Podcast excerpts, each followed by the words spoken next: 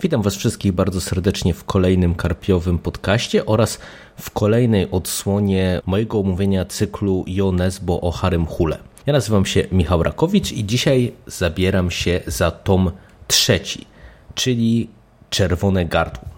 Powieść, która została wydana pierwotnie w roku 2000. W Polsce y, pierwsze wydanie miało miejsce w 2006 roku za sprawą wydawnictwa Dolnośląskiego, które powieści z tego cyklu wydaje. Ja, podobnie jak w przypadku dwóch wcześniejszych tomów, zapoznałem się z tą książką w wersji audio.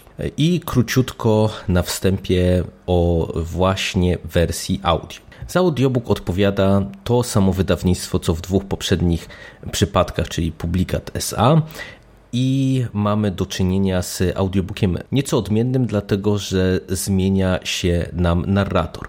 Po Mariuszu Bonaszewskim, który czytał Człowieka Nietoperza oraz e, także brał udział w nagraniu tej superprodukcji, z którą mieliśmy do czynienia w przypadku Karaluchów, narratorem Czerwonego Gardła jest Tadeusz Falana. I ja przyznam się szczerze, że na początku odebrałem tę zmianę bardzo negatywnie. Bardzo mi się nie podobało, jak pan Tadeusz Falana interpretuje tę powieść, natomiast e, w toku lektury dość szybko e, stała mi się ta interpretacja neutralna, a ostatecznie jakoś się do niej przekonałem i w sumie samą wersję audio oceniam dość pozytywnie. Przy czym, tak jak ja słucham tych audiobooków, czyli głównie w trakcie jazdy samochodem, często na, nawet na krótkich odcinkach, to Czerwone Gardło czytało mi się, czy słuchało mi się nadzwyczaj dobrze, dlatego że mm, i tutaj już y, też wejdę na sam, samo pole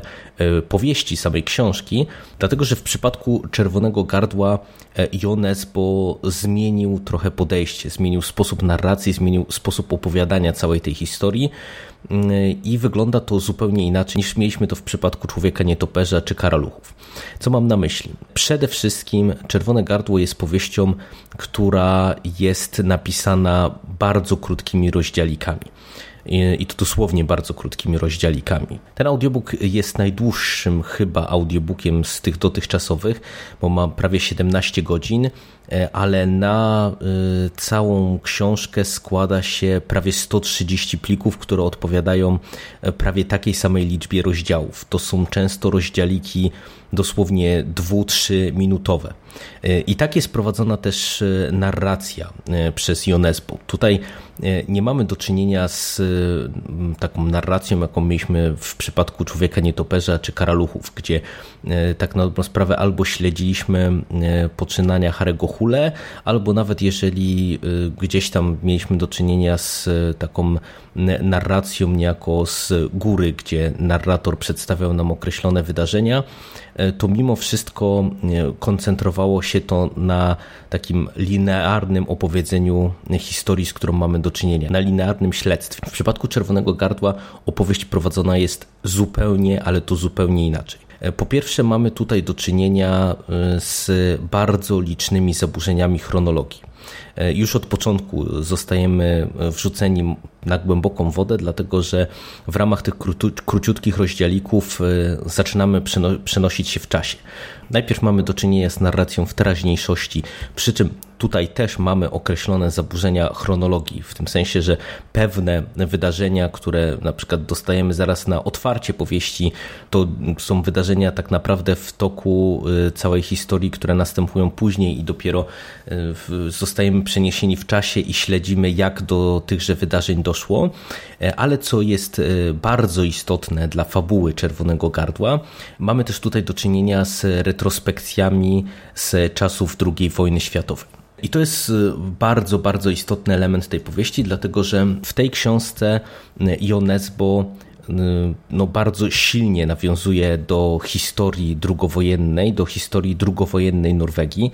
I z tego punktu widzenia powieść mnie wciągnęła. Dlatego, że ja przyznam się szczerze i bez bicia, że ja nie jestem jakimś wielkim fanem historii, nie mam zbyt wielkiej wiedzy historycznej, dlatego wiele wątków, które tutaj zostały poruszone w kontekście na przykład przeszłości Norwegii, w kontekście udziału Norwegii w historii II wojny światowej, w historii powojennej Norwegii, czyli jak Norwegia rozliczała się z II wojną światową i tak dalej, i tak dalej, to były y, elementy bardzo interesujące i wciągające. Ale tak od razu przyszedłem do, do narracji i może to jest dobry moment, żeby powiedzieć parę zdań o, samej, y, o samym zarysie fabuły co w sumie nie jest łatwe właśnie ze względu na tą wielowątkowość całej tej opowieści. W Czerwonym Gardle e, poznajemy Harry'ego Hule jako komisarza, cały czas e, oczywiście z utajonym problemem alkoholowym, który zostaje oddelegowany do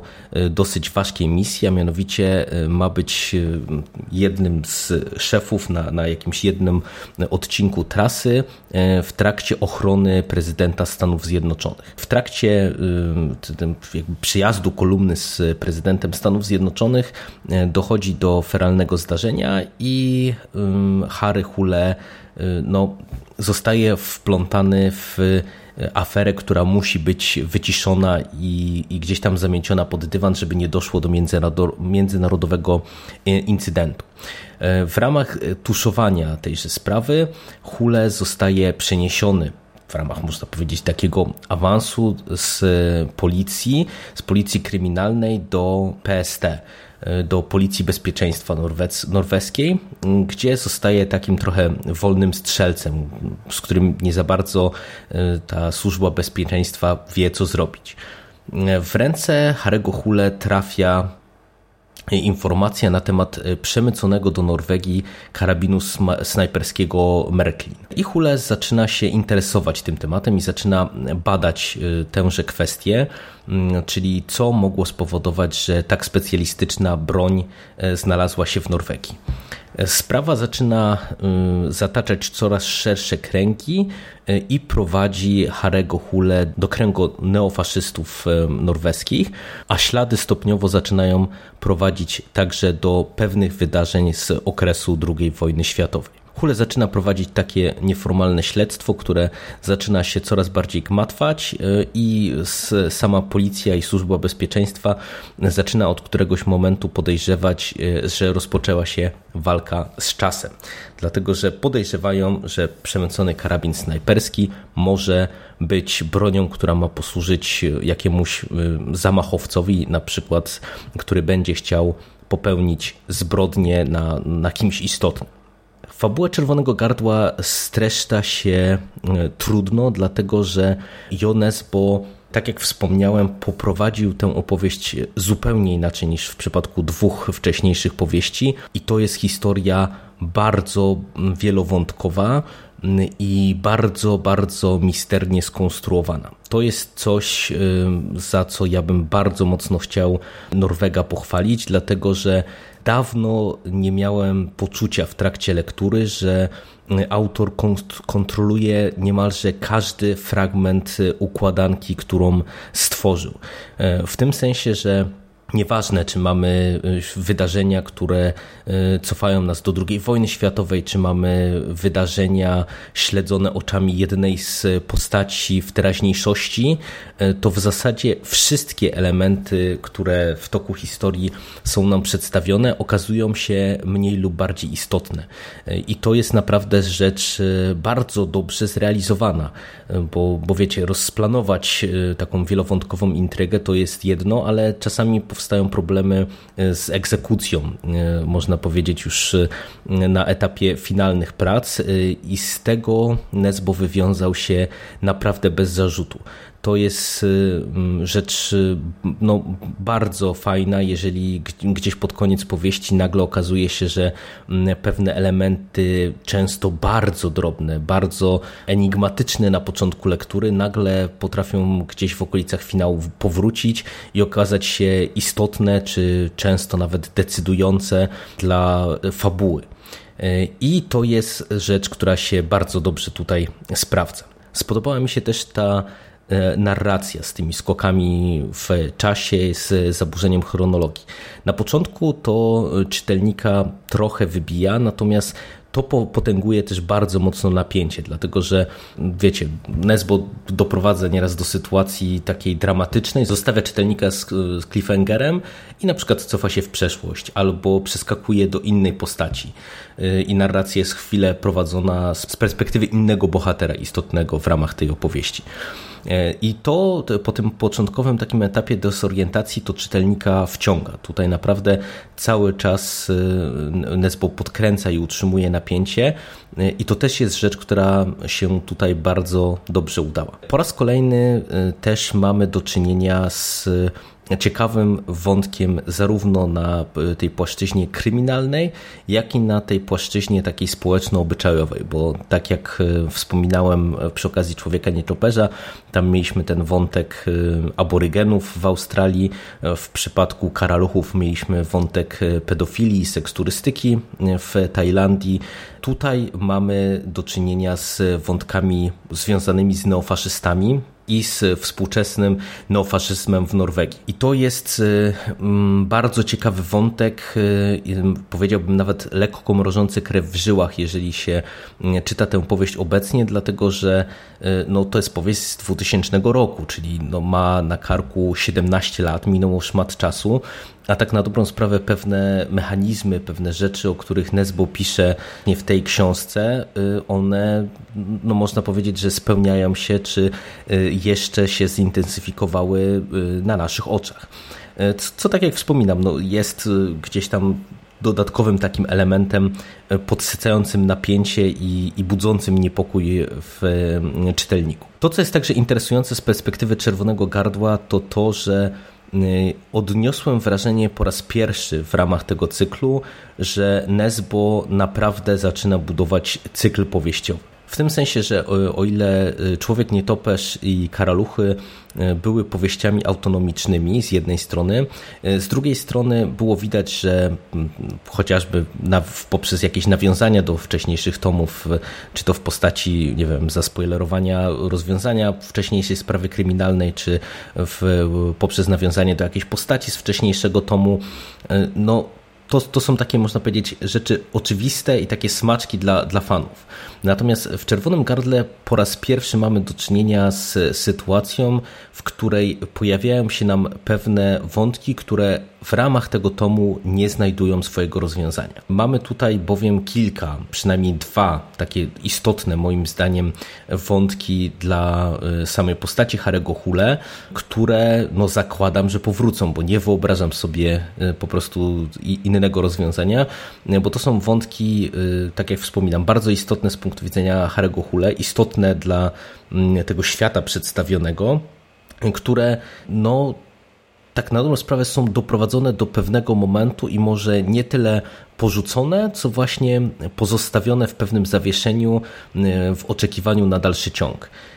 I zakładam, że tutaj ze strony Nesbo mamy do czynienia z, z taką zagrywką w pełni świadomą, w tym sensie, że on tutaj pewne elementy tej opowieści y, zostawił celowo w ten sposób, tak żeby na przykład w ramach kolejnych tomów, nie wiem, za tom czy dwa, do pewnych rozwiązań fabularnych powrócić. I to jest ciekawe i ja osobiście takie rzeczy lubię, dlatego że z jednej strony to nie jest tak, że pozostawienie tych wątków niedomkniętych coś psuje czytelnikowi, który na przykład sięgnie tylko i wyłącznie po czerwone gardło. Natomiast z drugiej strony czytelnikowi takiemu jak ja, który na przykład idzie chronologicznie przez ten cykl, to wydaje się całkiem fajnym pomysłem, bo to daje też dodatkowe, mm, dodatkowe możliwości w perspektywie kolejnych tomów. Przy czym też tak jak wspominałem, że Nesbo bardzo lubi spoilerować rozwiązania wcześniejszych tomów, tak wyjątkowo w Czerwonym Gardle jest tego mało. Mamy y, jakieś tam drobne nawiązania do wcześniejszych spraw, z którymi Hule miał do czynienia, czyli czy to do Australii, czy to do Tajlandii. E, natomiast w przeciwieństwie do Karaluchów to, to nie mamy do czynienia z sytuacją taką, że tak na dobrą sprawę jest podana e, cała zagadka wcześniejsza na tacy, łącznie z rozwiązaniem. Natomiast nie, nie ukrywam, że z tą powieścią ja mam bardzo potężny problem. Dlatego, że tak jak widzicie do tej pory, ja raczej chwalę wszystkie rozwiązania, począwszy od zmiany narracji, poprzez to, tą taką wielowątkowość, podjętą tematykę i tak dalej, i tak dalej. Natomiast mam z nią e, dwa problemy. Mniejszy i bardzo, bardzo poważny, który no, rzutuje mi mocno na odbiorze całościowym książki. Pierwszy to jest e, kwestia tego, że mam wrażenie, że to jest e, tom, który cierpi na podobny symptom jak człowiek nietoperz czyli to jest powieść e, momentami przegadana. Z jednej strony, ja wspomniałem o tym chwilę wcześniej, że zagadka w Czerwonym Gardle jest bardzo precyzyjnie skonstruowana. Natomiast e, ja w którymś momencie miałem nieodparte wrażenie, że tutaj po prostu Nesbo przedobrzył. Tych wątków jest dużo, ale w którymś momencie odnosi się wrażenie, że za dużo. Pewne elementy mm, można by spokojnie z tej książki wyciąć bez większej straty dla całej opowieści. I tutaj to, to mówię, to nie jest rzecz, która y, jakby mi psuje tę powieść, dlatego że y, to, to też nie jest tak, że, że tutaj Nesbo jakoś się nie broni na tym froncie, bo to jest tak, jak wspomniałem, tutaj wszystkie te wątki w finale się jakoś tam splatają, natomiast no, po prostu w którymś momencie zaczęło mnie ilość tych wątków nieco nużyć, tym bardziej, że momentami brniemy w wątki postaci, które no, nie do końca ja mam poczucie, że, że, że po prostu tutaj to było konieczne czy niezbędne, żeby cała ta historia wybrzmiała odpowiednio. Spokojnie można by to, tę książkę skrócić. Natomiast to, to jest rzecz, nad którą ja bym się nie chciał specjalnie rozwodzić, bo, bo tak jak mówię, to y, można by to było zrobić, natomiast ogólnie i tak wydaje mi się, że Nesbo wybronił się na tyle, że samo to choć powoduje pewne znużenie y, w niektórych fragmentach lektury, to, to mimo wszystko y, poz, pozwalałoby naprawdę na końcową i finalną pozytywną ocenę tej powieści. Natomiast to, co nie pozwala mi na taką jednoznaczną pozytywną ocenę Czerwonego Gardła, to jest samo rozwiązanie głównego wątku kryminalnego. Gdzieś w końcówce ta precyzyjna intryga dochodzi do punktu, od którego zaczynają się dwa bardzo, bardzo potężne problemy. Po pierwsze, e, Nesbo zaczyna troszeczkę odkrywać karty i robi to Nieudolnie to może złe słowo, natomiast robi to w nazbyt widoczny sposób. Tak jak do któregoś momentu y, bardzo trudno jest e, się połapać tak na dobrą sprawę, o co w tym wszystkim chodzi. Dlaczego y, śledzimy na przykład postać y, szefa MSZ-u, jakie mają znaczenia dla współczesnych wydarzeń te wydarzenia z II wojny światowej i tak dalej, i tak dalej. To, to wciąga czytelnika, natomiast od któregoś momentu Nesbo w tak nachalny sposób zaczyna nam rzucać tropy w ramach tego wątku kryminalnego, że nie wiem jak można by to zaznaczyć bardziej. To, to są po prostu takie rzucanie tropów na zasadzie, wiecie, napisania na białą kredą na czarnej tablicy patrz, tu jest ślad, patrz, patrz dokładnie, żebyś tego nie przegapił. Jakbyś nie zrozumiał, to ja ci jeszcze tutaj to zaznaczę trzy razy i podkreślę, że o to dokładnie chodzi. No i to już troszeczkę mnie wybiło, dlatego że y, ta misternie skonstruowana intryga w którymś momencie po prostu z tego powodu siada, bo nagle y, w momencie, kiedy zaczynają się te podpowiedzi, to bardzo szybko staje się jasne, do czego to wszystkiego zmierza i to powoduje, że napięcie bardzo mocno siada. Natomiast samo to też jeszcze bym przebolał. Natomiast to, co mnie szalenie wkurzyło i ja naprawdę w którymś momencie powiedziałem, że chyba pierwszy raz e, będę klął w podcaście, to jest samo rozwiązanie finałowe, dlatego że Nesbo posunął się tutaj do rozwiązania, które jest dla mnie absolutnie, absolutnie i kompletnie nieakceptowalne. To jest dla mnie po prostu rozwiązanie totalnie, za przeproszeniem, z dupy. I to jest y, naprawdę rzecz, y, rzecz po prostu słaba. To jest y, zagrywka, która jest tyle zaskakująca, co jest tak piramidalną głupotą, tak piramidalną bzdurą, że tak na dobrą sprawę cała praca, którą Nesbo y, tutaj wykonał, aby zbudować te, tę misterną układankę, no po prostu nagle idzie kompletnie na marne. To wszystko rozsypuje się jak z domek z kart, a mnie najpierw ogarnęło po prostu wkurzenie i, i powiedziałem sobie nie, tylko, tylko nie to, żeby to się nie skończyło w ten sposób, jak, jak tutaj y, nam Nesbo zaczyna sugerować, bo to będzie po prostu katastrofa. No i w momencie, kiedy nagle się okazuje, że dokładnie kończy się tak, jak Nesbo nam to zasugerował, no to po pierwsze mamy do czynienia z katastrofą, a, a po drugie, no to jest rozwiązanie naprawdę z kategorii tych y, rozwiązań najbardziej kuriozalnych, które po prostu najzwyczajniej w świecie y, psują, psują powieść, psują tę opowieść. No dla mnie, dla mnie to jest jest rozwiązanie fatalne pod każdym jednym możliwym względem, tym bardziej, że tak na dobrą sprawę ja widzę, że wystarczyłoby tutaj przystawić parę drobnych akcentów i bez straty dla, y, nie wiem, chociażby zaskoczenia czytelnika, y, bez straty dla całego tego wątku głównego, można by to było zakończyć równie, y, można powiedzieć, szokująco, a daleko sprawniej, daleko ciekawiej, bez tak daleko posuniętych tanich chwytów no, no chwytów poniżej pasa, ja uważam po prostu najzwyczajniej w świecie. Dlatego niestety samo zakończenie oceniam bardzo, bardzo negatywnie. No i, i teraz no, mam duży problem z oceną całościową. Dla mnie ta powieść e, to jest trochę przykład e, końca świata w Breslau, jeżeli dobrze pamiętam i nie mylę tutaj tomów e, opowieści krajskiego o komisarzu Moku dlatego że tam miałem podobny problem. Całą powieść oceniałem e, pozytywnie, po czym następowało zakończenie, które po prostu no, składało mnie na łopatki. E, no i teraz musicie sobie sami odpowiedzieć na pytanie, czy warto po tę powieść sięgnąć, czy nie. Ja ogólnie oceniam tę książkę nieźle. E, wydaje mi się, że jeżeli ktoś chce sięgnąć po cykl cały o Harem Hule, to na pewno y, no, to jest pozycja obowiązkowa, dlatego że mówię, tutaj po raz pierwszy mamy do czynienia z wątkami, które będą wracać, a przynajmniej ja tak zakładam na tym etapie. Y, i, i chociażby z tego powodu to jest powieść istotna w ramach tego cyklu. I tak jak, tak jak wspominam, ona jest też po prostu interesująca. Tu jest naprawdę bardzo dużo fajnych, interesujących, ciekawych i dobrze rozpisanych wątków, z tym, że radziłbym się nastawić, że zakończenie Was e, rozczaruje i że zakończenie Wam się nie spodoba. Jeżeli podejdziecie do lektury powieści dokładnie z takim nastawieniem, czy ze świadomością tego, że cała para pójdzie w gwizdek, myślę, że też e, będziecie po prostu no, bardziej pozytywnie oceniać czerwone gardło.